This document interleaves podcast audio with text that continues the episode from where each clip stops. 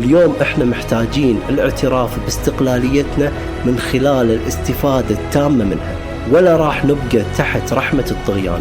لكن مو الطغيان الخارجي لا الطغيان الداخلي. أنفسنا إذا ما استخدمنا حريتنا راح نفقدها. راح نكون محكومين بالتفكير المحدود والمقيد. وراح نضطر أن نستسلم إلى أفكارنا اللي تقول لنا إن إحنا مو كافيين أو إن نقدر نحقق رغباتنا. إحنا يمكن نحس بالإضطهاد من قبل الحكومة، شريك الحياة أو حتى صديق. لكن في الحقيقة الشخص الوحيد اللي يقدر يسمح لنا بالشعور بهالطريقة هو أنفسنا. لما نفشل في استخدام هبتنا للاستقلالية. الحين أبيك تسمعني عدل وتشوف راح تعرف قصة منو هذه؟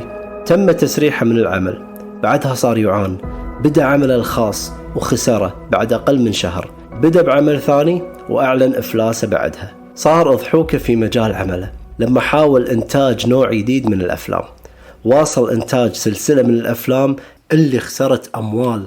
وبعدها صار ملك الترفيه العائلي بلا منازع في أمريكا والعالم. خمنته؟ أكيد والت ديزني.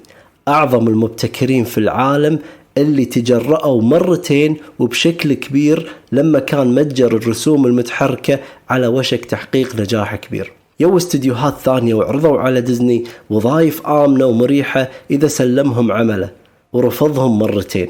وبعدها تعاقد ديزني مع شركة على عرض الأفلام القصيرة للشخصية الكرتونية اللي ابتكرها واللي هي أوزوالد the lucky rabbit وبعد فترة من التعاقد اكتشف والت ديزني أن شركة التوزيع باقت كل حقوق الملكية الخاصة بشخصية أوزولد. بهذا الوقت قرر ديزني أنه يسرع في ابتكار شخصية جديدة توازي شعبية شخصية أوزولد الكرتونية. قال ديزني خرج ميكي ماوس من عقلي على لوحة الرسم في رحلة بالقطار من منهاتن إلى هوليوود. في وقت كانت في كل ثروات الأعمال الخاصة فيني وباخوي روي وأنا في أدنى نقطة وبدت كأنها كارثة موجودة في الزاوية تنتظرني. كان محبط كانت الكارثة قريبة حيل منه على وشك أن تنتهي حياته. لكن ميكي ماوس أنقذ الموقف. والت ديزني حط كل معتقداته على المحك طول حياته.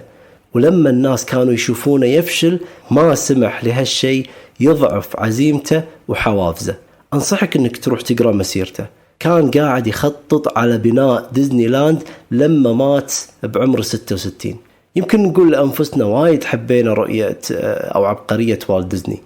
بس يمكن نقول آه، ما نقدر نحقق الأوسكار اللي حققها ولا راح يسمون منتزه على اسمنا. بس إذا مو مقدر لنا أن نكون عظماء فليش قاعد نسعى؟